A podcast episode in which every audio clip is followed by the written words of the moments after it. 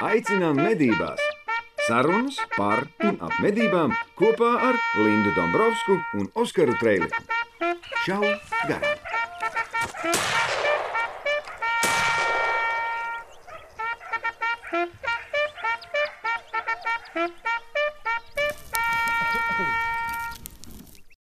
Nu, ko, mēs šodien mums ir beigais force mažors 151. epizode uh, Skype, tāpēc, ka bija plānots mums visiem satikties šodien 11. pie ugunskura, bet sanāca tā, ka man saklibojās suns un bija pieraksts 11. pie vetārsta, tas viss ieilga, un tādēļ mēs beigās satikāmies uh, vakarā tagad. 151. epizode epizode sadarbībā ar Medību saimniecības attīstības fondu, u- kura viens no galvenajiem mērķiem ir uh, mednieku izglītošana. Es esmu pārgurus, tāpēc, ka mana lidmašīna vakar nokavēja pa trim stundām. Es mājās biju divos, sešos trīsdesmit man bija no antras jāsavāc mani suņi. Es neesmu gulējusi, un tādēļ es sēžu un dzeru ļoti atspirdzinošu kafiju. Nu, kā Nu, jums gāja? Man, man noteikti gāja vismierīgāk sa- salīdzinoši ar jums. Es jau tādā vieglā, vieglā skrējienā. Kaut kā kādā vieglā es tādā esmu beigos visu laiku pārbraucienos tās pēdējās dienas. Man ir starp Paloju, Rīgu un Birzgalu. Nu, starp šautuvu. Šautavē pat uztaisījām būdiņu remontiņu. Tādos talkas darbos, principā, pa nedēļas vidu aizskrēja vēl stirns pamedīt. Tā mieru vējos, pa lielām bumbām. Tagad esmu atpakaļ. Pavisam mierīgi. Vakars. Porši. Tūlīt jāuztaisa vēl tēja būs. Un tad jau un rītdien kur ir tu- nemedības. Kur tu esi atpakaļ uh, savā vagoniņā? Nē, es laukos tagad. Jā, es laukos. Jā, jā, jā. Te vēl kaut kādu laiciņu būšu. Pēc tam uz Rīgu. Un tad jau atkal darbos vēl citos iekšā. Tā kā, tā kā viss, viss notiksies. Bet Indolim, man liekas, ir riktīgi noticies pasākums. Ne? Jā, man arī ir vajadzīga kafija, jo tāds viegls sagurums ir. Es jau zinu to kafiju. Tēja jādzer, tēja. Kafija. Jo bija piedzīvojums, tāds varans medību piedzīvojums vakar. Un šodien tā piedzīvojuma sekas bija jāapstrādā, tā to varētu teikt. Jo neko nedrīkst laist zudumā, un, lai tā teikt, viss būtu Diana arī nākamreiz būtu vēlīgi, tad viss bija jāizdara godam. Bet jā, mēs ar Anriju un Aņinu eh, turpinājām veidot tādu tā kā video blogu, trešo daļu. Iefilmējām par ūdensputnu medībām. Pirmā daļa, ko jūs noteikti mūsu YouTube kanālā esat redzējuši, viņa bija par eh, ek- ekipējumu, kas jāņem līdzi uz ūdensputnu medībām, un par maskēšanās tīkliem, un par to, kam jābūt ir ūdensputnu mednieka somā. Otrā daļa bija par munīcijas izvēli, par ieroču izvēli šim medību veidam. Un eh, vakar eh, mēs filmējām tā teikt praktiskās nodarbības dabā. Reāli braucām ūdensputnu medībās uz Lubānu ezeru. Un tad, nu, agrā rīta stundā, kamēr, kā saka, zosis vēl ezerā nebija modušās, jau braucām ar uh, lukturiem iekšā, nostājāmies Niedru sienas, visu izslēdzām un sākās gaidīšanas laiks. Jāteic, arī tiešām ļoti labi gan ezenu, pa- ezeru pārzina, gan visu to situāciju. Mēs tā teikt bijām kādu brīdi, nu minūtes apmēram 10, varbūt 15 pavadījuši pie Niedru sienas, tā teikt, acis pierada pie nu, rīta krēslas, nu jau, jo pulkstenis bija drusku kaut kur pirms septiņiem.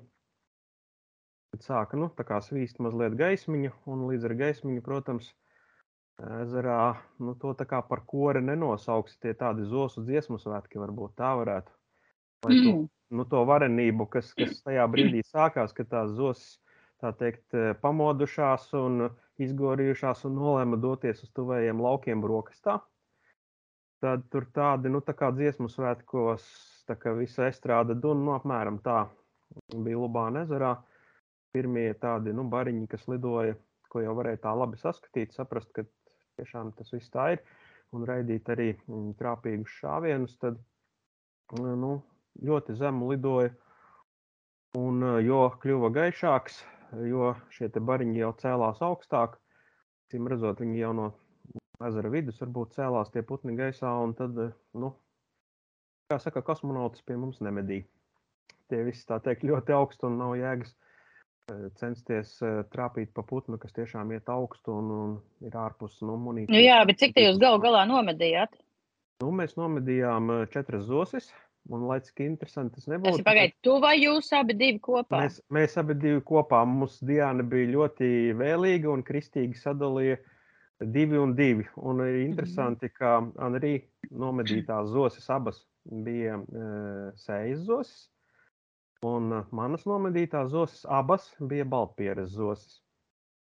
Un, lūk, tā, lai gan to nu, rīta, rīta cukā, ja tā var teikt, man bija viena šī zosis. Un tad dienas gaitā man izdevās nomedīt vēl vienu, kura nu, vieniniece at, atpalikusi, acīm redzot, no bara vai nolēmusi, ka viņai brokastis tādā rītā nevajag. Un, un, un dzirdējām zos nu, saucienus, jau mainot varbūt šīs medību vietas. Un arī iepūta tā teikt svilpītē zosus. Jā, viņš arī pūta, ja? Nu, tā reāli sarunājās ar to zosi, nu, kamēr tā zos tā pavisam nejauši nokļuva nu, tā, ka es varēju raidīt trāpīgu šāvienu. Viņi tā kā riņķoja virs jums, lidoja tur zigzagā šurpu turpu. Nu, viņa vienkārši lidoja un, un arī pasauca, un viņa atlidoja tik tuvu un pietiekami zemu, lai varētu viņu dabūt. Nu, kaut kā tā ar tādām zosīm. Bet mēs arī pamanījām mm, pīles, jo, kā saka, tā, ka zosis bija beigušās, nu, respektīvi aizlidojušas uz laukiem, un palicis jau pavisam gaišs, mēs arī sākām filmēt sižetu, ko jūs varēsiet arī mūsu YouTube kanālā redzēt par šīm medībām. Un tad tur nu, dažādas, dažādas pīles visas dienas garumā. Baltvēderis, cekulpīle, ķera, gaigala. Uh, arī četras mercenes izdevās nomedīt. Un beigās, beigās bija tā, ka šo, šodien bija jāplūc.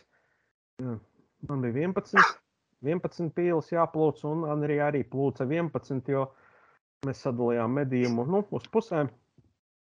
Un, un, un, teikt, viņam arī divas zosis un attiecīgs pīļu skaits, tāpat kā man divas zosis un šīs te pīles. Bet interesanti, jā, ar arī medīt kopā tas ir ļoti, ļoti patīkami. Tā ir bauda, jo viņš tiešām māk piesaukt šīs pīles un arī e, interesanti tās mercenes, ko izdevās nomedīt, arī praktiski tika piesauktas. Un, nu, mm. Viņa tā kā lido, nosēstās tāpat tālāk, un arī pasauc. Viņa nenāk, pēc brīdiņa pasauc vēlreiz, un tad, kā saka, šī lido, pal, lido tuvāk, paskatīties, kas tur īsti viņu sauc. Un, un tā tāda, tāda, tāda, tāds interesants medību veids, bet cik interesanti arī e, tēviņi e, lidoja, bet tie tūmā nelido. Viņi apmet tādu loku, noskatās riktīgi, un jo visas Visas, ko mēs mercenes nomedījām, visas bija meža pīļu mātītes. Un te viņi mm. tādu kārtīgu gabaliņu, nu, tā uzmanīgi paskatās. Nu, nē, laikam tomēr nē. Šā garām jaktei būt. Tad man ir būtisks jautājums. Man ir uzreiz būtisks jautājums tev. Uh, tāpēc, ka mums ir ar Medību saimniecības attīstības fondu šī epizode noziņoja. Noziņoja? Jā, protams. Mēs tur noziņojām? Visas nomedītās pīles un zosas eh, no, nobildē. Un tad uh, nomedītie orki, tur ir ļoti vienkārši pievienošanas kārtība, norāda, kur, kas, nu, kāpēc varbūt, ka nav jāraksta, pievieno attiecīgos bilžu failus un poga nosūtīt. Un tas arī viss. Bet patiesībā tev, Andris, cik ātri atbild, atbild atsūtīja? Pagaidām vēl neesmu tā pētījis savu e-pastu, jo šodien bija ļoti aizņemts. Reāli neesmu pie datora. Tagad, kad mēs rakstām raidījumu, piesēdos pie datora. Un viss, kā saka, droši vien viss mani sagaida jau. Bet tāpēc, ka pats labākais, es nezinu, varbūt tāpēc, ka man sūta vai es vienkārši ziņoju, tad, kad Andris Stīpnieks sēž pie datora, mums ir ar viņu viena iepriekšējā epizode. Bet uh, nobildējot pīli, aizsūtot to attēlu, uh, un arī zosi saņemsiet atbildi par to, kas tas galu galā ir. Nu, vienkārši var uh, pats mēģināt noteikt, kas ir, būtu visiem arī medniekiem jāzina, protams, bet viņi arī pasaka, kas, kas ir jauns vai vecs, vai mātīte vai tēviņš. Man, man baigi tas patīk. Katrā gadījumā mums laivā līdzi bija ūdens putnu noteicējs. Kā? Tas ir noteikti. tas ir noteikti. Tas ir. Nu, lūk, jā, mums, mums laivā līdzi bija mm, šis noteicējs, un mēs pārliecinājāmies, ka mūsu domas par to šo pīli medīt vai nemedīt ir pareizas. Protams, par cik medības notika Lubāna ezerā, tad mēs lietojām bezsvina munīciju gan attiecībā uz zosīm, gan attiecībā uz pīlēm. Kas tur tā varēja? Tā, tā tev jau no pusautomāts tev ir bisi. Tu varēji redzēt, kad lido pīli, tu varēji attaisīt vaļā un samainīt atbilstošo munīciju. Jā, tieši tā. Un arī ir pusautomātiskie ieroči bises. Un viņam vienkārši bija līdz divas bises. Vienā Aha, ielikt... tā kā zos un pīļa? Jā, tieši tā. Vienā pusautomātā bija iekšā zosīm domātā munīcija, un otrā pīlēm domātā munīcija. Oskar, tu zini, cik var būt daudz uh, ieroču līdzi medībās? Nu, divus var. Nu, var. Nu, agrāk, agrāk bija noteikumos teikts, ka var ņemt divus. Tagad nav Jā. noteikts. Tagad, tagad, jau, tagad jau tu ņem, cik tu gribi. Cik tev ir, tik nu, tu ņem. Tur jau tā nu, lieta. Par tā ir šis stāsts. Tāpēc tur zina, ka kaut vai visus savējos, visus savējos desmit. Jā, ja vajag. Jā, ja vajag, te, vajag. Man tā viss skatās. No, Vindula, turpini. Tu, tu, um, tev, tu, teici, tu teici, ka tev tur daži interesanti novērojumi ir bijuši. Jā, jā nu, šaujot novērojumi. Un novērojumi ir tādi, ja zosu medībām mēs ja zosu medībām mēs eh, lietojām eh, Sailor and Bellot eh, Magnum munīciju, kas ir. Un arī domāt, kāda ir? Jā, ar to viss bija kārtībā. Zosis viss smuki krita, viss bija labi. Bet pīļu medībām mēs lietojām bioamo, trešā numura tērauda skrošu munīciju. Un uh, jāsaprot, ir tas, ka jālaiž šī pila ļoti tuvu klāt. Tā ir, bet tas jau vienmēr ir ļoti skaidrs. Bijis. Mēs jau visu laiku to vienmēr sakām, ka šaujot ar bezsvina munīciju, tas tā distance ievērojami samazinās. Nu, pie tam pat ļoti ievērojami samazinās. Nu, vairāk pat skaisti. Vairāk par 35 metriem tu tur pat nedomā kaut ko darīt. Nu, sunīt. Jāieskatā, jāieskatās acīs. Jā, nu, mēs, ar, jā. mēs, ar, mēs ar, ar, arī jokojām, ja vecajās grāmatās rakstīts, ka pīla droši medījiem ir tad, ja var atšķirt kājas, tad eh, tērauda skrožu gadījumā droši var medīt tad, ja tu spēj saskatīt eh, pīles acu krāsu, nu tad ar garantiju, kad būs. tad toči. Jā. Uz raso. Jā.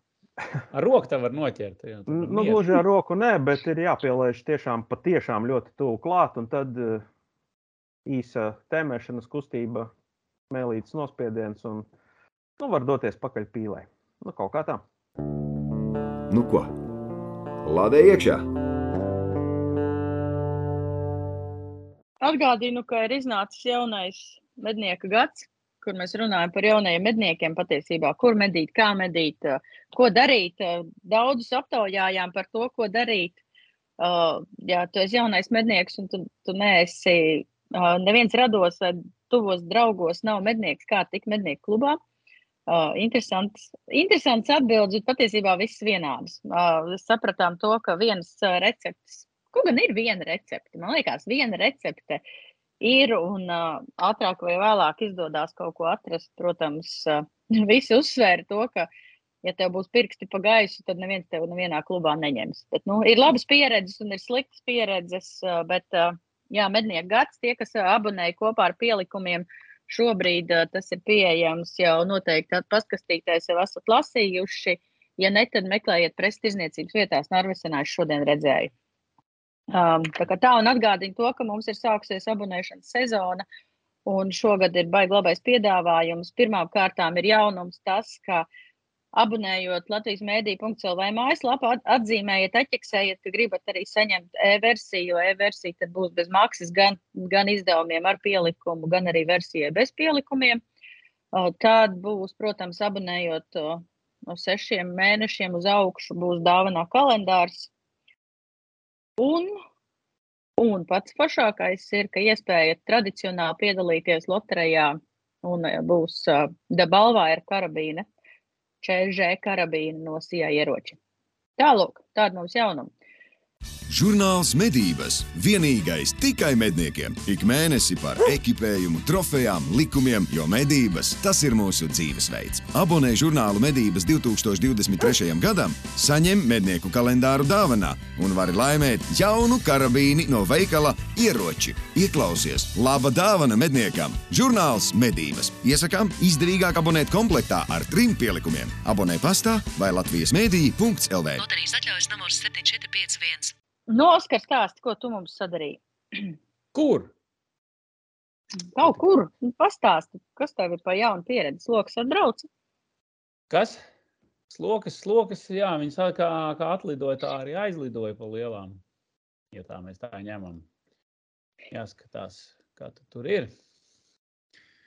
Kā uzsit mīnus Helsinkos un Sanpēterburgā, tā pēc dienas slogas bija klāta.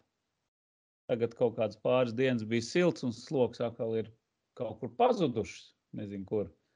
Jāgaida atkal kārtējs, kārtējs migrācijas vilnis kaut kāds.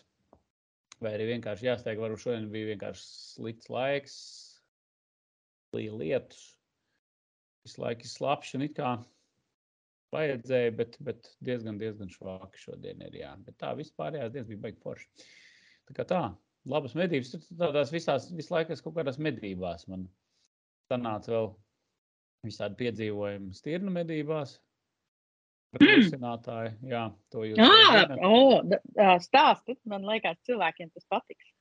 Jā, Nē, nu, mēdz gadīties vi- visādi, visādi, jā.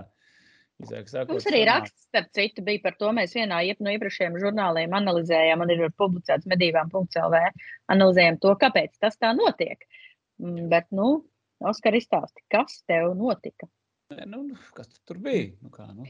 Nu, stāsti, ka mēs, mēs jau, tu jā. atsūtīji bildes, mēs jau nezinām, kā tas notika. Nē, Tu nē, to nu, bija jauks, kā, kā lai saka, bija, bija ļoti jauka diena, ļoti jauka diena, fantastiski saulaina, vienkārši perfekta diena, tad es izdomāju aiz, aizdoties, pavadīt stirnas pa laukiem, pastaigāt, bišķiņ klāt, un tā man šausmīgi patīk, paņēmu savus pieķi, ieroci. Nu, tad mēs gājām, tā teikt, ar spieķi un ieroci trietā.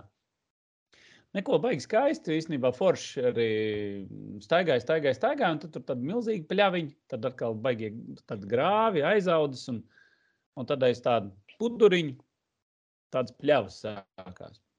Un tad pirmais, es, protams, kad no tās pļavas eju, skatos ar binoklu, nu, viss pļauj tukšs, nu, tā lielā pļauja. Tad tā lēnītēm nāk, nāk, virzos gar grāvi. Un Sākumā pa vienu grāvu pusi, nu, tā kā aizauguši tur bija tāds ceļš. Lai, nu, ja gadījumā stirns ir uz tā laukta, lai viņš uzreiz tā kā neierauga. Bet... Tas bija biezs galā pie tevis, ja? Nē, nē, nē, nē es Jā. ciemos esmu. Ciemos, Alajā. ok.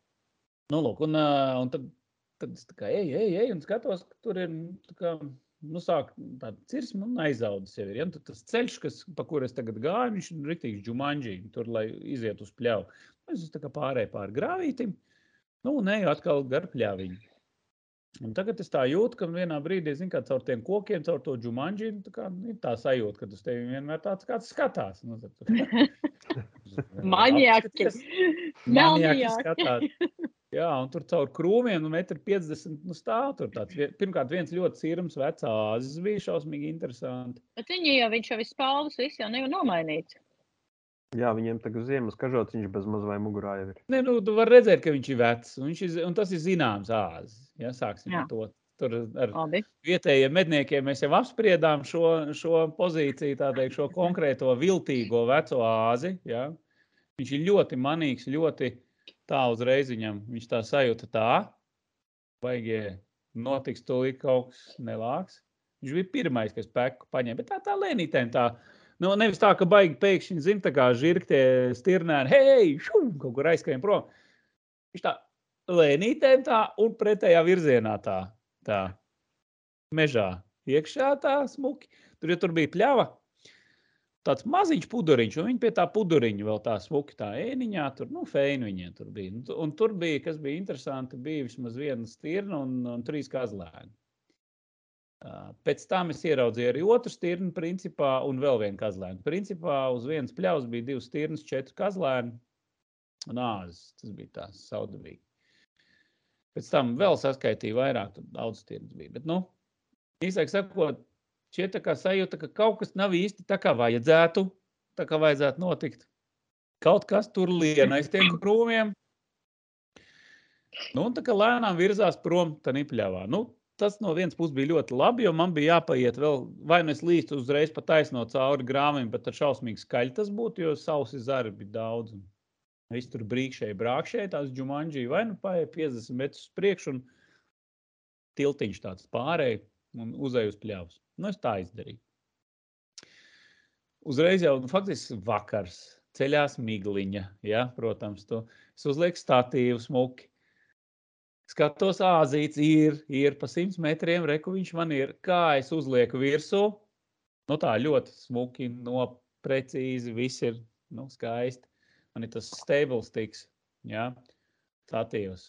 Ļoti stabils, man šausmīgi patīk, es viņu uzlieku. Tad brīdī, kad jau tu tā kā jau esi kā jau sagatavojies, tas āzīts ar kaut kādu, nezinu, kuru maņu, tu, tu, tu, tu. Mēs iekšā caur miglu. Tagad viņi neredz. Zini, Ā, bet tu zini, ka, a, tu zini, ka miglās tā smarža labāk ceļot. Īpaši miglā ir ļoti grūti pieiet klāt, tāpēc, ka viņš tev ļoti ātri saodīs. Nu, tā varētu būt, bet vējš man bija labvēlīgs. Vējš bija tieši no viņa. Ja? Jā, jā, Tā kā, bet, bet es saku, miglā tā tie gaisa smaržas nu, gaisa molekulas, smaržas, Es tev piekrītu. tur ir, tur ir baigi, baigi grūti. It kā Jā, tevi nu, ja- neredz, ā, bet ā, jā, ņemiet to vērā, draugi, mīļie. Miglā ir jābūt ļoti uzmanīgām, jo var gadīties tā kā Oskaram. Nu, labi, tālāk. Tā. Jā, man, man tā divas reizes bija arī virsgalē. Tā, tā, tā viss kārtībā. tā, tā, tā tas ir. Jo tiklīdz, jo tur ir tas triks, jā, ka tu gribi pielīst viņam klāt, bet, bet ir vēl viena nianses ar miglu. Ir vēl viena nianses, ko iesaku iz, izmantot citreiz. Citreiz liekas, tas tu redzi, tu stāv tādā uzkalnītē, ja, uz leju. Smuks šāviens uz leju. Tu redzi, migla ceļās, it kā tas āzis tur stāv, nu, 150, 200 varbūt tās. Ja? Nu, es ar savu optiku varu mierīgi aizsniegt. Nu, principā vajadzēja paņemt un medīt nost. A, ko es izdomāju? Nē, nu ko, nu, ko tu esi tādā attālumā? Vai ka es pieiešu tuvāk, vai ne? Tas ir citā māzītī. Protams, tu ienāc ar ielā iekšā, tu principā ienāc pilnīgā pienā un neredz vispār neko.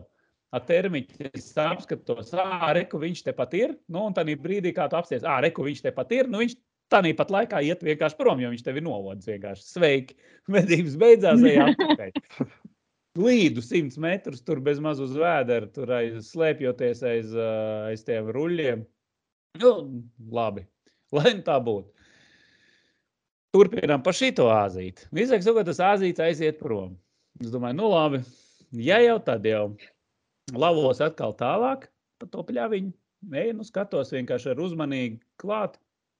Pat cik tās ā, stirnas arī ar kazlēniem aizskrēja. Nu, principā uzdevums bija vairāk kazlēnus medīt. Un tur tāds smuks stāv tieši pa vidu, tādā vienā tieši pļaviņa vidus, smuki rullīši, pie kuriem varēja smuki pienākt aiz viņiem, noslēpties un nostāties. Un tagad es redzu, ka tālākajā, tur kaut kādā nu, 150 ar 200 stāv tie visi tie kazlēni ar, ar stirnām.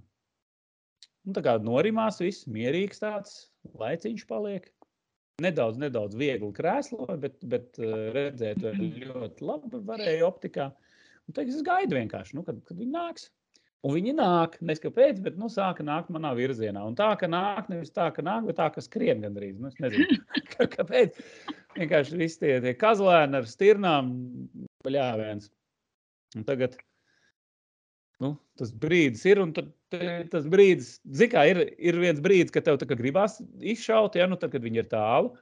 Bet ir tas otrs brīdis, kad tu jau nu, gribētu jau būt, esi gatavs jau, nu, bet viņš vēl nāk vēl tuvāk un tuvāk. Un tuvāk tu tur, tur, tur mesties viņam virsū jau vismaz. Ja? Nu, jau ir tas brīdis, kad tev jau, jau vajag jau izšaut, jo, jo tev, nu, kur nu vēl tuvāk. Un es saku, ka pa metriem 50, 60 varbūt tās viņš bija. Ļoti smuki nostājās. Viņš tā kā notēmēja, nospiež sprūdu mēlīti. Nu ko, pārlādējam! Mājiens tāds, un zina, ausis džingst. Kas noticis? Ir? Jo, nu, man ir klusinātājs. virsū. Un es tik tā ar vienu malu tā redzu, ka kaut kas aizlido tur tā pa kreisi. Projām. Jā, viens, zin kā, nu, tas sitiens tāds tur. Vai vairāk tas līkšķis tāds ka Jā, tas līkšķis jau nāca uz aizmuguri. rēķina. Tāpēc, ka tu, gaidi, tu, tu jau gaidīji, ka būs klusinātāji. Nu, tā ar man klusinātāji manies būs, jā. Un tur babām! Bļā viens. Un tagad es hopu, es ātri pārlādēju, un tas tirns tā. Viņš nekur neskrien prom. Un stāv. Un tagad es domāju, nu tagad man vēl viena kazlēna, nu droši, pilnīgi tā piemet, pēc tam tā, nu nē, nu pagaidi. Vecīt, tev galā pusklusinātājs. Tā, kas tev tur ir galā, tad nezinu vienkārši. Neko izlādēju ārā un tišināju. Tiš, tiš. Tur Nu, gandrīz ja tā. jo tev jau, ja tev klusinātājs ir beidzies, tad jau tev arī trāpījums ir savādāks. Jo klusinātājs jau ir jāpiešauj. Par to ir runa. Nu, Tur daudz dažādu faktoru. Īsāk sakot, ja, ja Bet tu nomedīji? Nu, jā, īsāk sakot, stirnas aizskrēja. ja. Tālāk es tagad stāvu un domāju, nu tā, nu, vēlas, nu, tā kā nišaut, kad nevarēja visu, nu, ko, ko darīt. Ka, kas noticis ir, jā? Pirmais jau galva dūla, nu, nevar saprast, ko un kā. Pirmais, viss tā, skatāmies, kas tur ir. Nu, pusklusinātāji ir palicis. Otra daļa, kas skrūvējās klāt, tās vienkārši nav. Viena daļa es atradu, bija blakus, nokritusi. Nu, viņa tā kā uz leju. Otra bija aizlidojusi. To otru es tā arī neatradu. Tā arī neatradu. Sāk staigāt, meklēt, pēc tam uh, izpūt gaisu, domā, tā, pag, pag, draudzīgi, tu taču, nu, šāvi, vai ne? Nu, trāpīja, netrāpīja. Neko gāja skatīties.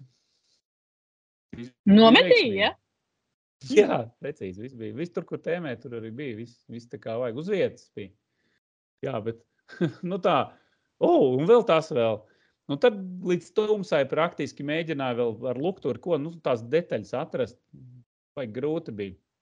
Atbraucu vēl nākamajā dienā. tad, Kāpēc nu, mēs tev savā- vajadzēja atrast tās detaļas? Nu, Man principā gribējās saprast, kādās daļās kā viņš ir sadalījies. Jau, nu. Tur jau Nu, atstāt uz lauka Paskaidroja, kāpēc. Tev paskaidroja, Daudz? kāpēc, vai vienkārši tā. Tev paskaidroja, kāpēc, vai vienkārši tā notiekās. Vai tu biji baigi daudz lietojis, vai kas tev tur bija to klusinātāju? Nē, nu, es biju ļoti daudz lietojis viņu arī. Ja? Bet, eh, jebkurā gadījumā, uh, tas, tu- tam bija, tas ir klusinātājs ar alumīnija korpusu. Ja? Kurš ir par patiesībā, ko mēs zinām, ka ir reiz viens sprādzis. Mēs zinām, ka šitie ir mēdz sprāgt.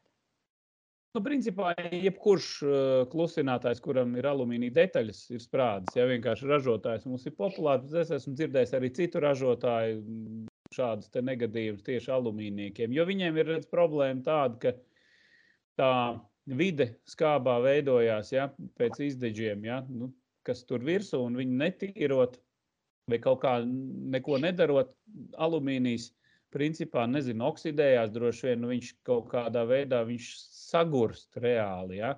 sāk gabaliem, nu, tā kā ir tā ārā. Ja, tas, ko es redzēju, piemēram, iekšā, nu, kaut kāda gabaliņa parādās, parādās, un tādīs vietās viņš paliek visvārgākais. Un tad ir viens brīdis, kad nu, viņš iet pa gaisu. Ja? Nu, tā kā, un, un, un tas nav forši. Nu, jebkurā gadījumā, nu, kā nu ir noticis, tā nu ir noticis. Acīm redzot, varbūt ir jātīra biežāk vai nu kaut kā. Redzi, tur ir koks ar diviem galiem. Arī tādā pat laikā nu, teiksim, ko tīrīt. Pēc katra šāviena viņu tīrīt vai ne. Vai, Vai eļļu gāzt iekšā, piemēram, ja, tur, kas it kā neutralizētu piemēram, to, to skābi, ja, nu, to skābo vidi. Bet tad atkal veidojās no tiem uzdeģiem, viss tev veidojās tāda, nu, var veidoties arī, zinām, putra tur no tās eļļas. Nu, kā tu viņu dabūs ārā no tām ribām? Nu, tur arī diezgan, diezgan nav, vai ne? Tad ir tiešām jāskrūvē nost katru reizi riktīgi. Viņš eh, jātīra, jāliek uh, ultraskaņas vannītē, vai ne? Abas daļas, nu, kamēr izmazgājās tīrs, un tad tu vari lietot. Tad viņu var lietot ilgāk. Nu, tā. Protams, aizvedu, aizvedu pie, pie šī te konkrētā zīmola izplatītāja. Man, man pa garantiju nomainīja klusinātāju, tā kā viss kārtībā. Jā, pēc tam es saku, es vienu dienu aizbraucu pakaļ, dabūju gandrīz visas detaļas. Vienu tā arī neatradu. Vienkārši nu, tur nevar, Nezinu, kur viņi aizlidoja. Man jau es jau arī vienreiz, nu, es gandrīz divreiz uzspridzināju klusinātājus, bet citu iemeslu dēļ, starp citu. Bet uh, tas klusinātājs, kas man ir, uh, viņš nesprāga. Es šāvu trīs reizes, līdz es sapratu. Nē, pat tad, kad es izšāvu trešo reizi, es nesapratu, kas bija noticis. Es tikai saprotu, ka es šauju pa cūku un trāpu nevis pa galvu, bet pa pakaļu. Viņi noiet, nokrīt zemē, es pieeju klāt, mēģinu piešaut, tāpēc, ka viņi tur cilājās, es izšauju, nekas nenotiek. Nu, tā kā viņi turpina cilāties, kaut gan tu tēmē galvā. Nu, vai kas tas tāds ir? Trešo reizi pieeja pavisam tuvu, pieliek izšauju, nu labi, dabūju to cūku ar zemi, pēc tam brauc mājās, izlādē ieroci un ņem nost to klusinātāju, es nesaprotu. Kaut kādas detaļas, kaut kādas melnas, melnas, tā kā kaut kādi mistiski gabali no kaut kurienes krīt ārā, visur birstas. Nes... Beigās mēs aizbraucām toreiz uh, testēt to interaktīvo šautuvu, kur varēja savam ierocim lāzeri ielikt, ielikt to lāzeru. Mamais paskatās uz to manu plintu, kaut kas tev tur birst ārā. Beigās pastamies, tad klusinātājiem te jau cauri tas lāzers neiet. Un iemesls bija tāds, kas ir ļoti, ļoti svarīgi, ir, eh, bija atskrūvējies bišķiņu vaļā. Un līdz ar to, ja ir bišķiņi tas klusinātājs atskrūvējies vaļā, tad uh, viņš ir, uh, nu tā kā var mainīt to uh, centru, kā rezultātā var sanākt diezgan liela šaizgama un sanāca. Bet man arī, nu, tas bija baigi labais tests ražotājiem, kurš bija šausmīgi laimīgs, ka es to biju iztestējis šādā veidā, dabūju jaunu es domāju, ka jau stāstīju pagājušajā gadā vai aizpagājušajā gadā arī šāvu uz bebru četras reizes, kamēr es to bebru dabūju gar zemi. Es domāju, kas tas ir.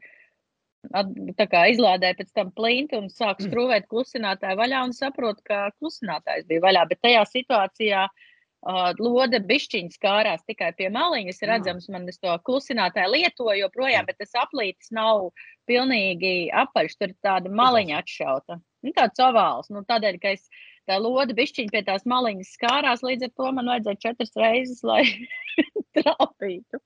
Nu. Turpināsim pēc pauzes. Šā garām jaktei būt. Nu, Oskar, vai turpini? Kāda ir Jā, viena jā. indikācija? Vēl viena indikācija. Man patīk, man liekas, ka mums jau šitās epizodes virsraksts ir baigi labais par sprākstošajiem klusinātājiem.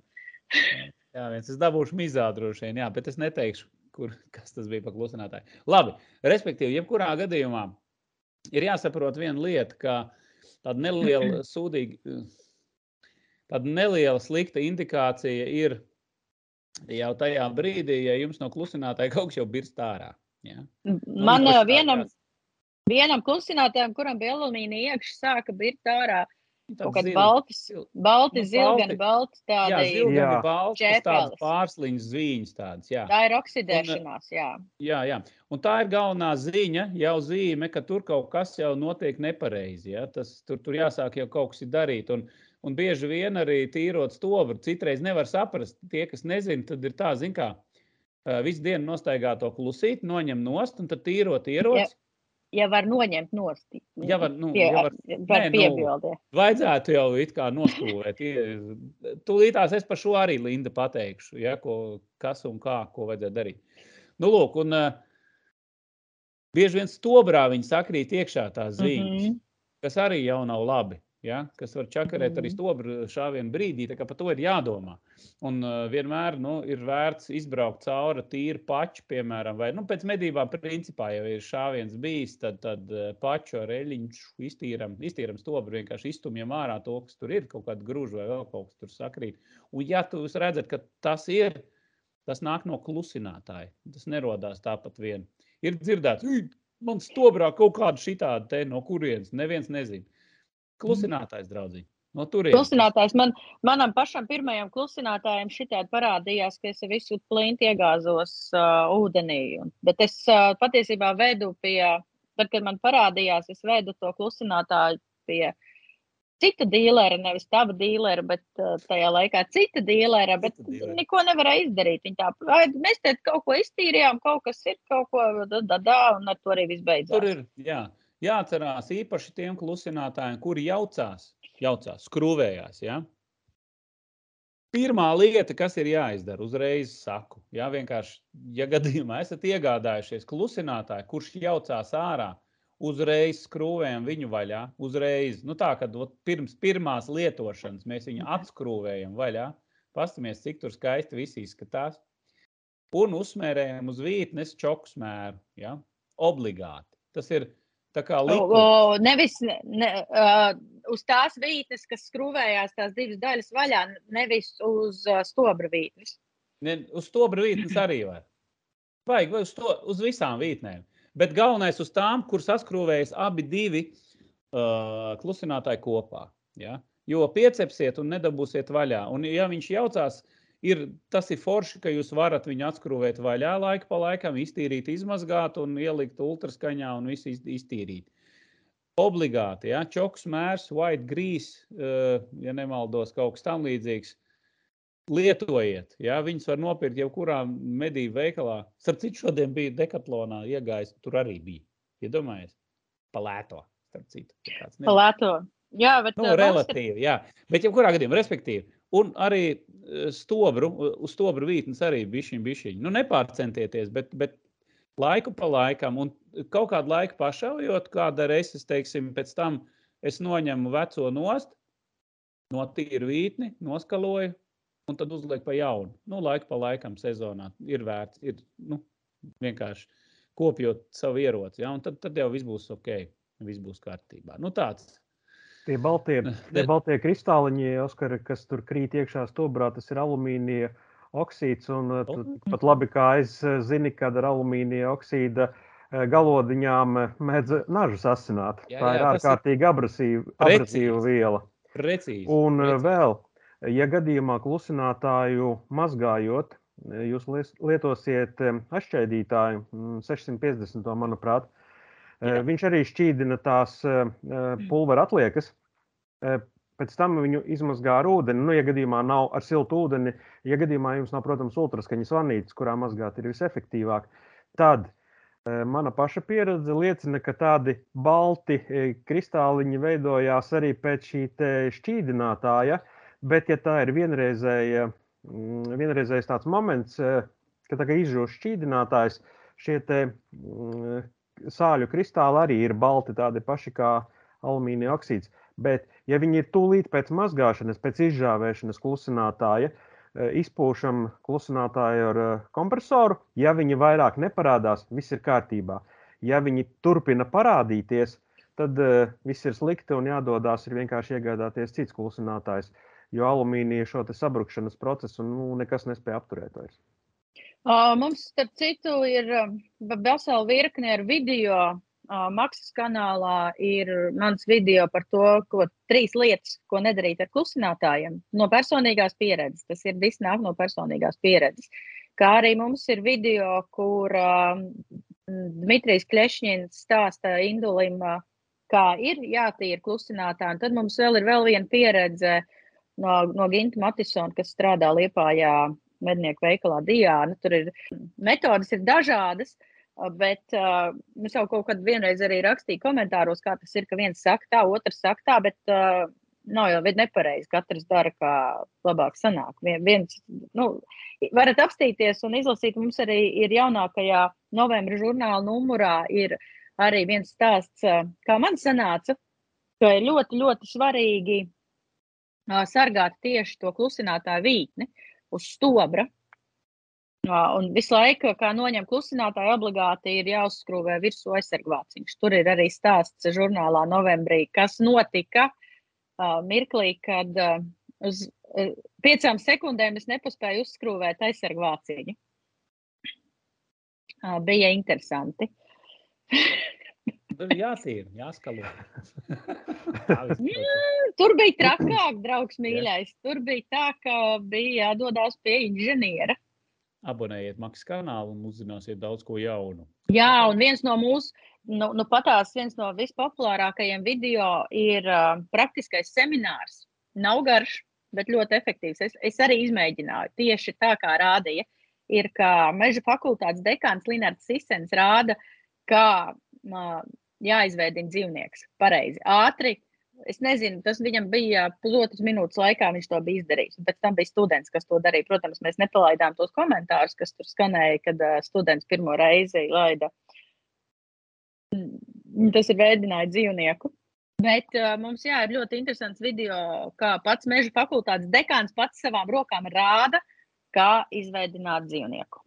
Un pēc pauzes mēs turpināsim par maniem bēdu un nebēdu stāstiem. Tā labi. Nu, davai. Šauj garām, jaktei būt. Nu, kas tad tev tur notikās, Lindija?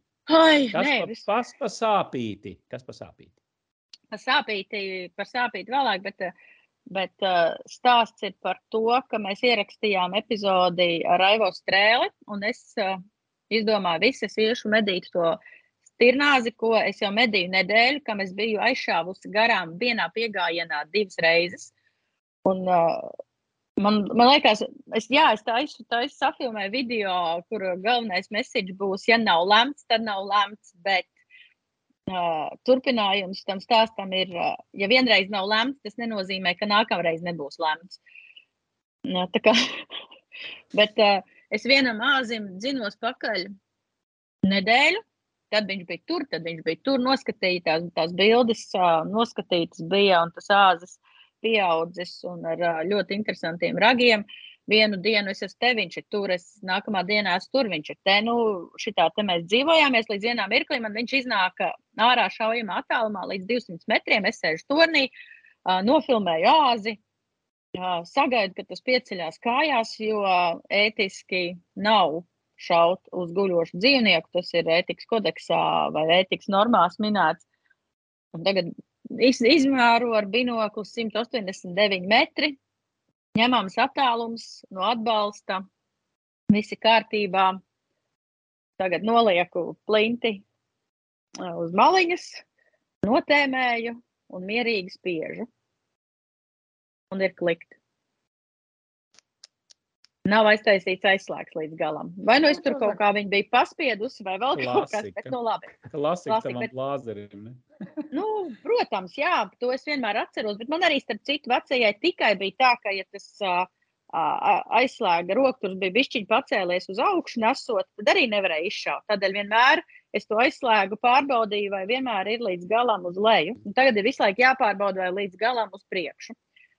Labi, tur man uz tā lauka vēl kaut kādas sešas stirnas gadās. Es diezgan augstu tornī, viss ir kārtībā.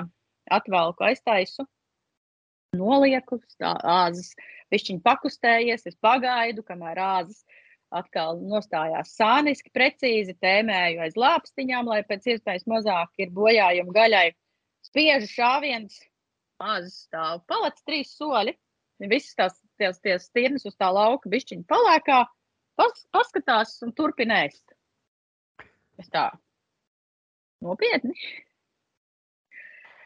Nē, nu labi, es atkal, nu labi. Labi, nu, vienreiz nu, var aizšaut garām. Jebkurš var aizšaut garām, tas ir pilnīgi normāli. Nevajag satraukties. Ja viņš tur stāv, ja viņš nav aizmucis, varbūt būs lemts. Pārlādēju, nu, saprotams, tas nenotiek baigi ātri un enerģiski, tāpēc, ka tur stirnas vēl uz daudz uz laukuma. Tas ir jādara pietiekami klusu, pēc, protams, pēc šāviena klusinātāja, bet nu labi. Tagad nolieku vēlreiz, spiedīšu, izspiežu, klikt. Nu, nopietni.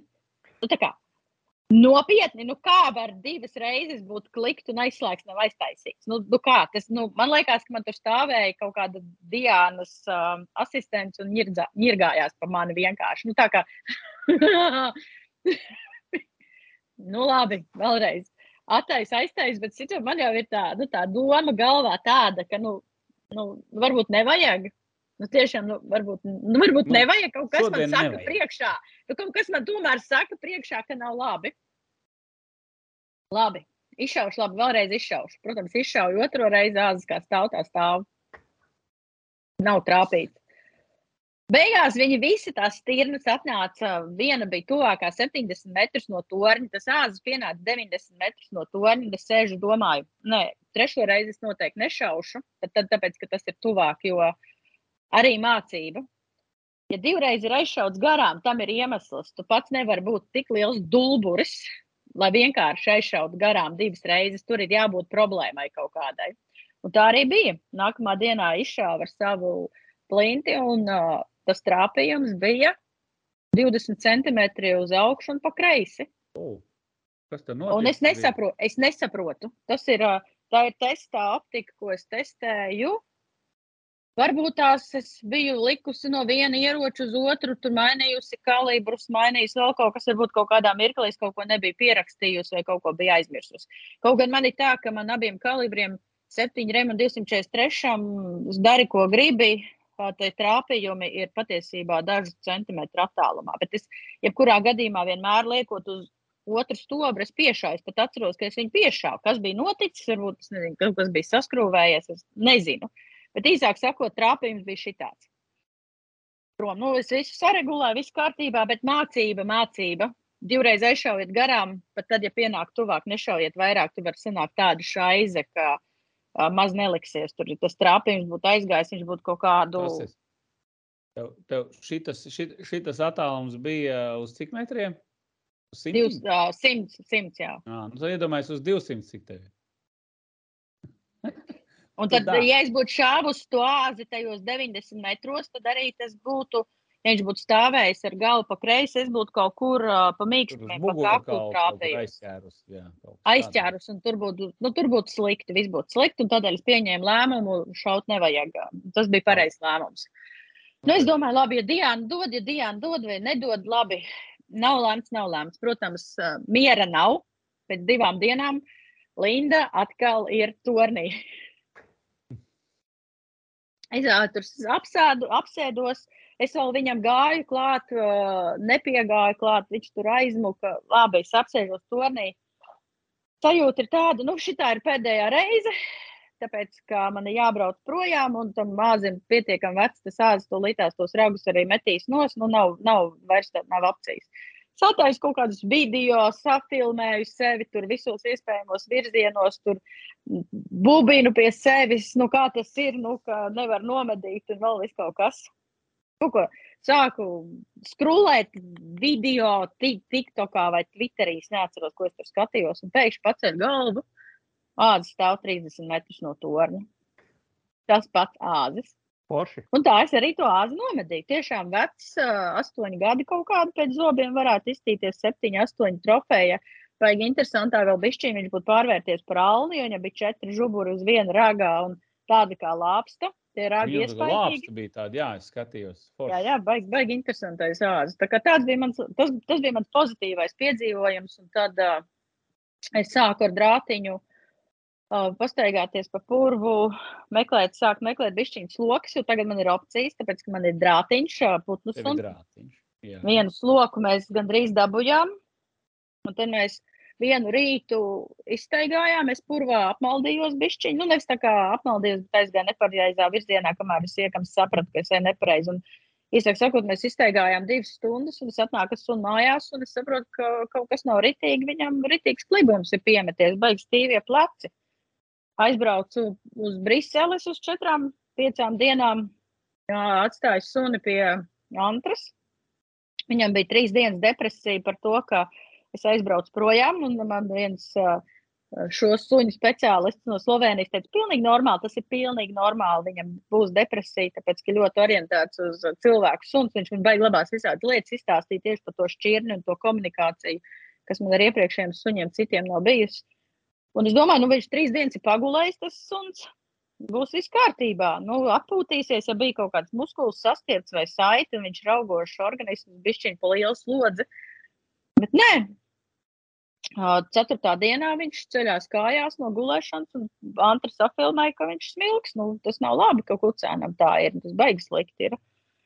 Un tad uh, mana vetārste Iveta sazi, sazinājās ar uh, mazo brāļu hospitāli ar speciālistu, mēs šodien 11. aizbraucām.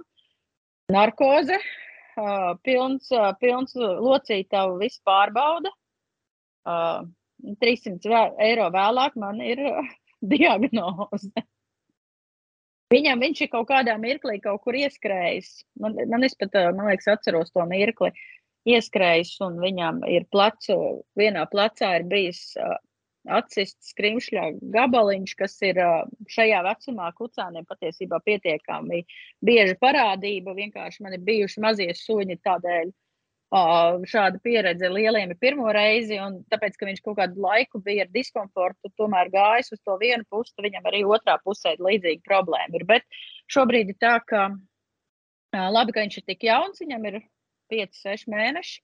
Tas nozīmē, ka ir opcijas to izārstēt. Tagad ir jāskatās divas nedēļas, sadēļ man kaut kādu zāļu kaudzi. Ja būs labi, tad būs labi. Desmit dienu laikā redzēsim, nē, tad būs jā, jāveic invazīvākas metodas. Viņi vienkārši attaisīs, nu, kaut ko iebāzīs un ar vakumu tos gabaliņus iz, izsūks ārā. Un pēc tam it kā vajadzētu būt labi. Nu, tas ir vienkārši nu, trauma.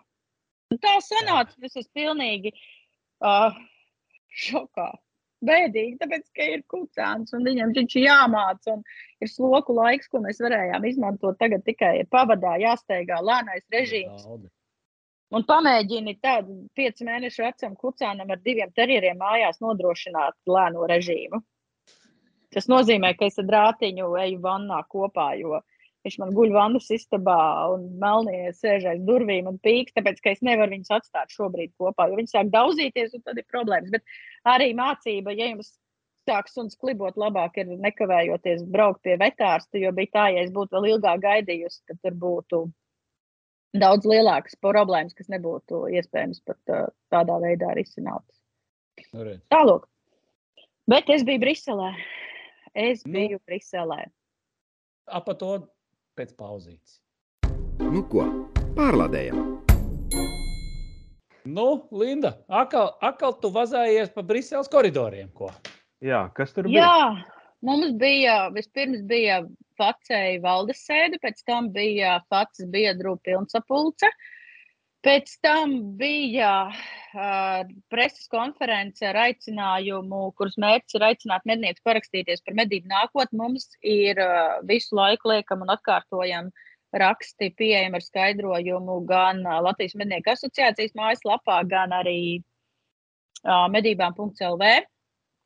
Uh, Latvieši ir ārkārtīgi slinki uz parakstīšanos, un tā galvenā doma ir tāda, ka, lai Eiropā virzītu kaut kādas, kādas iniciatīvas, ir vajadzīgi paraksti. Zaļie un vegāni ar šiem parakstiem ir ārkārtīgi aktīvi, un medniekiem arī vajadzētu savākt, nu, diezgan daudz vajadzētu savākt. Šobrīd ir kopā savākti bija ar reāliem parakstiem. Bulgārijā viņi savāca 30 tūkstošu reālus parakstus. 28 tūkstoši reālus parakstus uz lapas.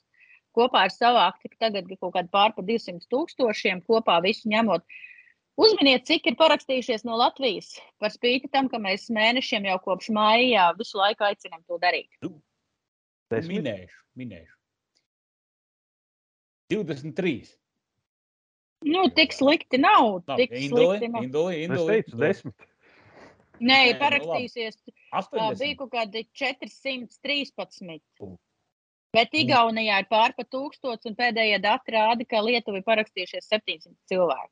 Mednieki. Tas ir no 21 tūkstošiem uh, mednieku. Tur, tur nekas nav jādara. Tur vienkārši jāievada ēpasts un jāapstiprina. Nu, izmantojiet savu, to, es nezinu, kaut kādu slepeno ēpastu, lai nesūta. Tam jau tāpat spāmus te nesūtīs. Uh, nevienam nevajag vienkārši. nevaram, Linda, vai mēs nevarētu arī izdarīt līdzīgi kā Es reāliem domāju, ka parakstiem? mēs to darīsim. Es domāju, ka tas ir jādara. Bet uh, Starp klubiem, tā. mierīgi, caur asociācijām. Īzī. Mm. Klubiem izziņo, viņi savāc. Es domāju, ka tad, ja būs uh, tā kampaņa ilgs līdz aprīlim, uh, ja mums būs uh, outdoor, outdoor tā izstāde Rīgā, tad mēs to tur varēsim noteikti savākt. Nu, būtu bijis. Ja. Uh, es nezināju tajā laikā, kad Minhausens, ka to var darīt arī paraksta veidā, kā to Bulgārija izdarīja. Tas nu, Ja. ne, nebija pirms tam zināms, tad mēs to būtu varējuši Minhausenā izdarīt. Bet es domāju, ka vienkārši jāsaprintē lapas un jāiedod saviem kolektīviem un jāsteigā līdzi un visiem jāprasa parakstu, ko kam Vienkārši, satiek. jā, ko tu satiek. katram kolektīvam. Es jau domāju, arī ja, iz, mēs šeit jau varētu iedarbināt asociācijas kaut kādā. Nu, kādā veidā. jā, nu, es, es Abas domāju, ka divas, mēs. Gan LMS, gan Latviju, kur ir problēma, vai ne? Viņu taču izziņojam, darām, katrs kolektīva vadītājs, hejā, paņem. Nu. Latvija mēs visu laiku ir Latvija. Latvija ir šērojusi, mēs šērojam. Nē, nē. Linda, es jau runāju par tādu fizisku lietu. Redz, tā kā nu, uh, asociācijas valdes priekšsēdētājs dod uzdevumu kolektīvu vadītājiem, kolektīvu vadītāji izdrukā lapiņu, Un pirms dzinēju medībām Visi blakus parakstam par to, ka tu nostājies uz līniju, vienkārši parakst arī šito. Viss. Visi parakstam. Tur nav nekas tāds, kur, teiksim, būtu jāizdomājās, kāpēc neparakstīt. Nu, piemēram, nu, bet mednieki varētu būt pret šo iniciatīvu. Nu, nē, bet es, nē, es domāju, ka nav pret, bet tā, patiesībā tā iniciatīva ir ārkārtīgi svarīga, jo pēc tam facē būs pietiekami lieli instrumenti mm, rokā, lai uh, pie kaut kādiem uh, lēmumiem varētu pavicināt tos, cik tur tos uh, tūkstošiem tos uh, parakstus un teikt, ka, nu, jā, nu, piemēram, par uh, lūšu aizliegumu ir nobalsojuši 13,000, bet pret ir piemēram tik un tik un tik. Tā bija preses konference, pēc tam mums bija vēl viens uh, pasākums, kas ir Eiropas parlamenta darba grupas sanāksme par uh, putnu aizsardzības uh, iespējām no mednieku puses. Un tur bija, tur bija uzstājās. Uh, pārstāvis no Eiropas komisijas, nu, kas runāja ļoti politiski korekti, tur neko nebija ko iebilst. Bet uh, tad uznāca uz skatuves uh, meitene no BirdLife, kas ir atbildīga par uh, vērtē, kā tiek ieviesta putnu direktīva dalību valstīs. Nu, un tad tā meitene, patiesībā ļoti drosmīga, uh, Uh, neko sliktu vārdu es nevaru veikt tajā ziņā, ka viņi vienkārši tam, ko viņi stāstīja un ko viņi aicināja darīt, uh, viņi tam tic. Un, uh, es arī beigās uh, pacēlu roku un norādīju to, ka labi ir, ka šādas sanāksmes ir, jo es sapratu, saprotu, ka viņi, kas ir uh, BirdLife, kas ir uh, ornitoloģijas biedrībā, bet tā, kas ir uh, nu, tā starptautiskā, un viņu partneri ir dažādās valstīs, un tas ir Latvijas ornitoloģijas biedrība, ir BirdLife biedrs. Uh, ka mēs reāli dzīvojam paralēlās pasaulēs. Nu, tā kā pilnīgi divās dimensijās. Mums ir viens mērķis, ko viņa visu laiku uzsvēr. Tas viens mērķis, lai ir vairāk putnu.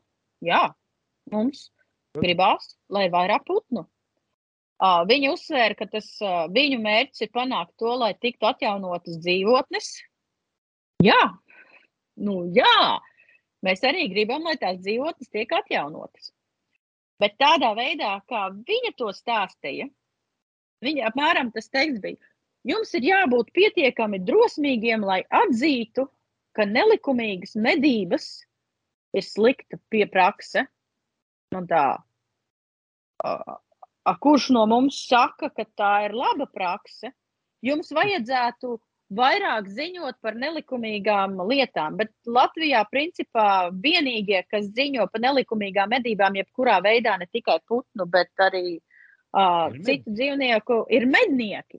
Uh, viņas teksts tad bija par to, ka nu, putnu sugas daudzas uh, samazinās. To mēs arī sapratām, ka mēs ar Andru Stīpnieku runājām. Uh, viņa skaidrojums bija ļoti loģisks, uh, un tad tā dāma sāk Barbara, viņa bija Barbara, un tad viņa sāk stāstīt par to, ka uh, ir arī attiecībā uz direktīvām ir uh, ļoti uh, labas prakses, piemēram, visā Eiropā palielinās lielo plēsēju skaits. Ok, nu jā, tā ir. Uh, salīdzinot ar kaut kādiem pirms 50 gadiem, šobrīd uh, vairāk nekā 20 dalību valstīs ir atgriezies uh, viens no četriem uh, Eiropas lielajiem plēsējiem. Vismaz viens. Nu, vismaz viens. Un, uh, un tad viņi teica, un viens no iemesliem, kāpēc, uh, kāpēc šie dzīvnieki bija jāaizsargā, bija medību radītais drauds. Mm, tas ir kā tieši. Tāpēc, ka lielākā daļā rietuma Eiropas šie dzīvnieki tika lielie plēsēji, vilki, lūši, lāči iznīcināti, iznīcināti ne jau mednieku iekāras dēļ, 100, 150, 200, 250 gadus atpakaļ, bet tāpēc, ka viņi apdraudēja tajā laikā, uzskatīja, ka viņi apdraud cilvēku un tādēļ viņi nav vajadzīgi. Tāds bija viedoklis es viņai skaidroju, ka, nu, teicu savā runā, ka uh, Latvijā mēs tos dzīvniekus, Latvijā, Lietuvā, Igaunijā, mēs viņus esam medījuši visu laiku, un nekad viņi nav bijuši izmedīti. Nu, nekad, nevienā mirklī mēs tos neesam izmedījuši. Medības uh, patiesībā Eiropas mērogā nav tas lielākais uh, biedrs bijis. Lielākais drauds ir uh, dzīvotņu pazušana, Uh, tas, ka vienkārši viņus iznīcināja, ne jau tā kā, nu, lai medītu prieku pēc, bet tāpēc, ka bija citi apstākļi, citi faktori, un to tagad projicēt uz mūsdienām, man tas likās nu, nopietni. Nu, tu saproti vispār, ko tu runā. Un tad, kurus laikam visvairāk uzvilka visus tos medniekus, kas sēdēja zālē, bija teksts par to, ka jūs nedrīkstat ņemt tikai no dabas. Jums ir jādod arī atpakaļ. Facis mājaslapā, kas ir biodiversitymanifesto.com, man liekas, jā, ir pa visu Eiropu apkopot vairāk nekā 500 dažādu mednieku īstenoti projekti, no kuriem teju vai puse tiek īstenota, lai atjaunotu dzīvotnes. Un to mednieki dara nevis par sabiedrības naudu, bet viņi to dara par savu naudu.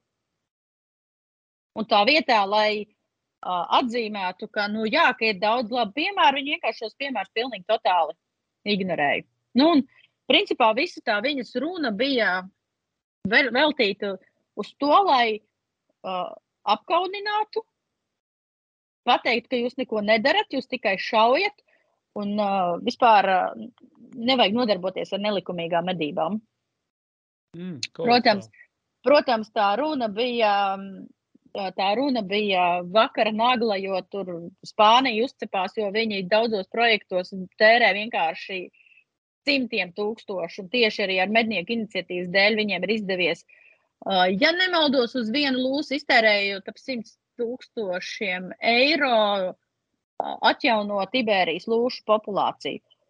Un Iberijas lūšu populācija samazinājās ne jau mednieku dēļ, bet tāpēc, ka viņu galvenā barība trusis dabūja slimību kaut kādu, es neatceros no galvas, bet tā lielākā daļa trušu izmira un vienkārši lūšiem nebija ko ēst. Un tādēļ to skaits strauji samazinājās. Un tieši liela, liels nopelns ir mednieku iniciatīvai, lai šos dzīvniekus, kā, lai tie dzīvnieki atgrieztos dabā. Nu, tā lūk bija. Tīri bija interesanti. Kā tā beidzās, beidzās tā saruna? Nu, Viņi kaut ko saprata, viņi palika pie savu vai kā? Nu, viņam, kā, nu, tur, uh, tur pēc tam varēja uzdot jautājumus, un atbildes bija divi Maltas uh, Eiropas parlamenta deputāti, kuri pateica, ko par to domā. Uh, te, vārdu, vārdu teica no Dānijas, no Nīderlandes, uh, Spānis, protams, būdams ļoti temperamentīgs, uzsprāga.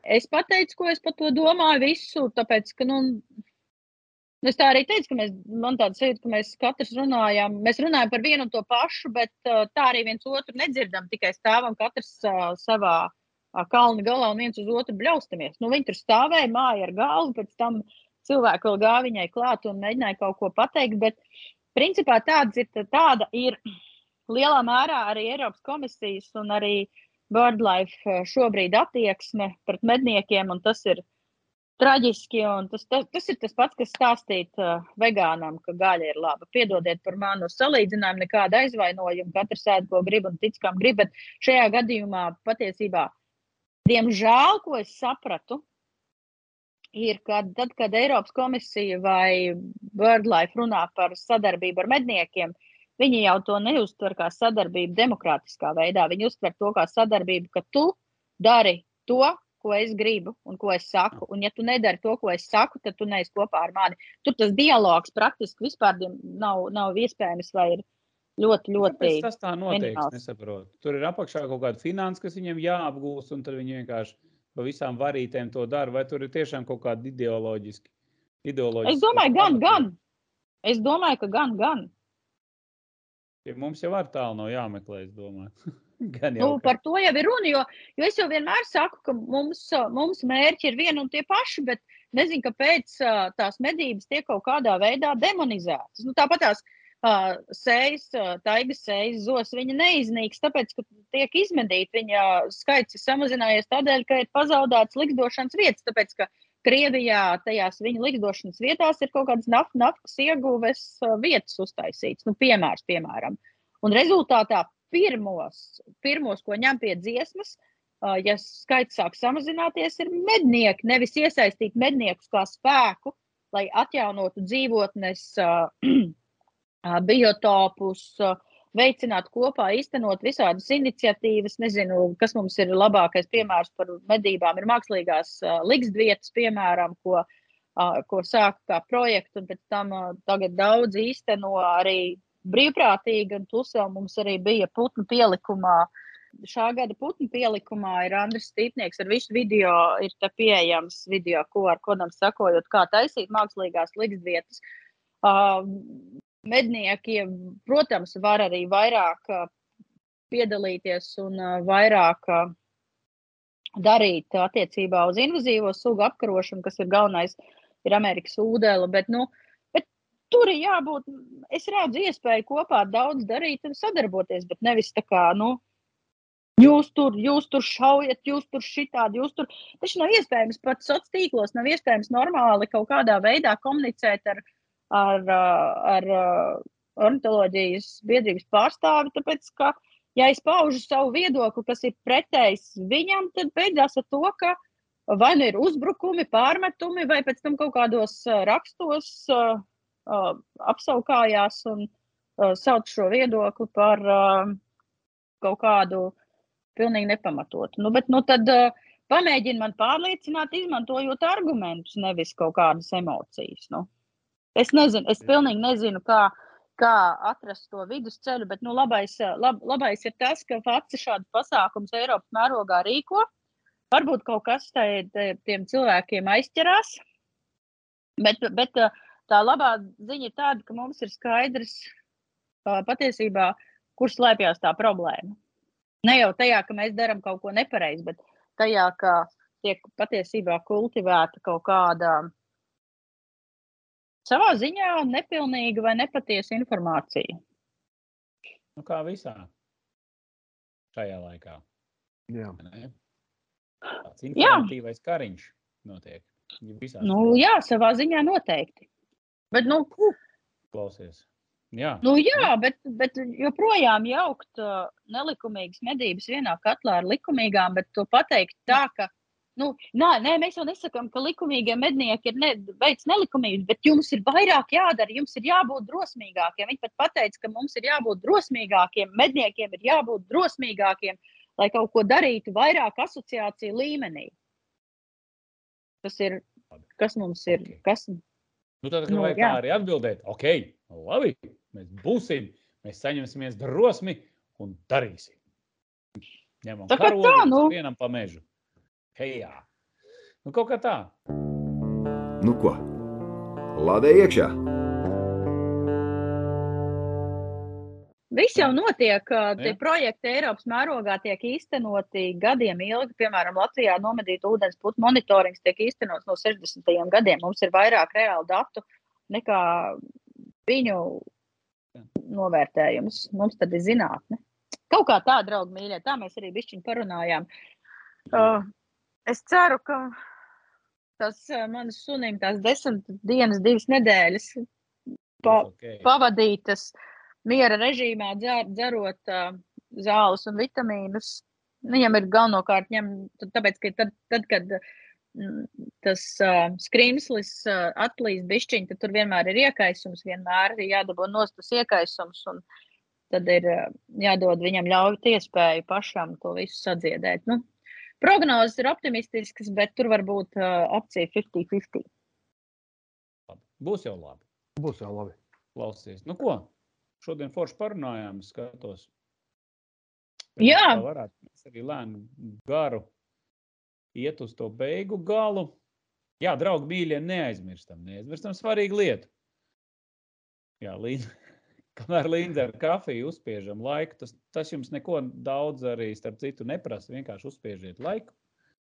Jā, ja negribat šārēt, nešārējiet, bet, ja gribat obligāti un parādiet saviem vecāku gadu gājumu medniekiem, Un jaunajiem. parādiet, arī kādam nemedniekam. ļoti jaunajiem.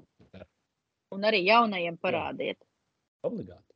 Obligāti. Visiem. Obligāti. Noskatieties. Tā kā Un es laiks, gribēju, jā, Ā, un starp citu, jā, uzrakstiet īstenībā komentārā kaut ko feinu.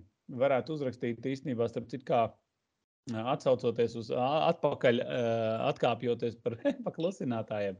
Kādi jums ir klusinātāji un kā jūs viņus kopjat? Starp citu, ļoti interesanti būtu uzzināt, kā jūs to darat. Vai esat novērojuši, kādu jums ir visādi brīnumi bijuši? Sliktās pieredzes nerakstam, uzrakstam labās pieredzes. Tā kā, kā jūs kopjat, kā jūs to darat? Un, uh, un, un, un Linda. Jā, es sāku sunim acis tīrīt.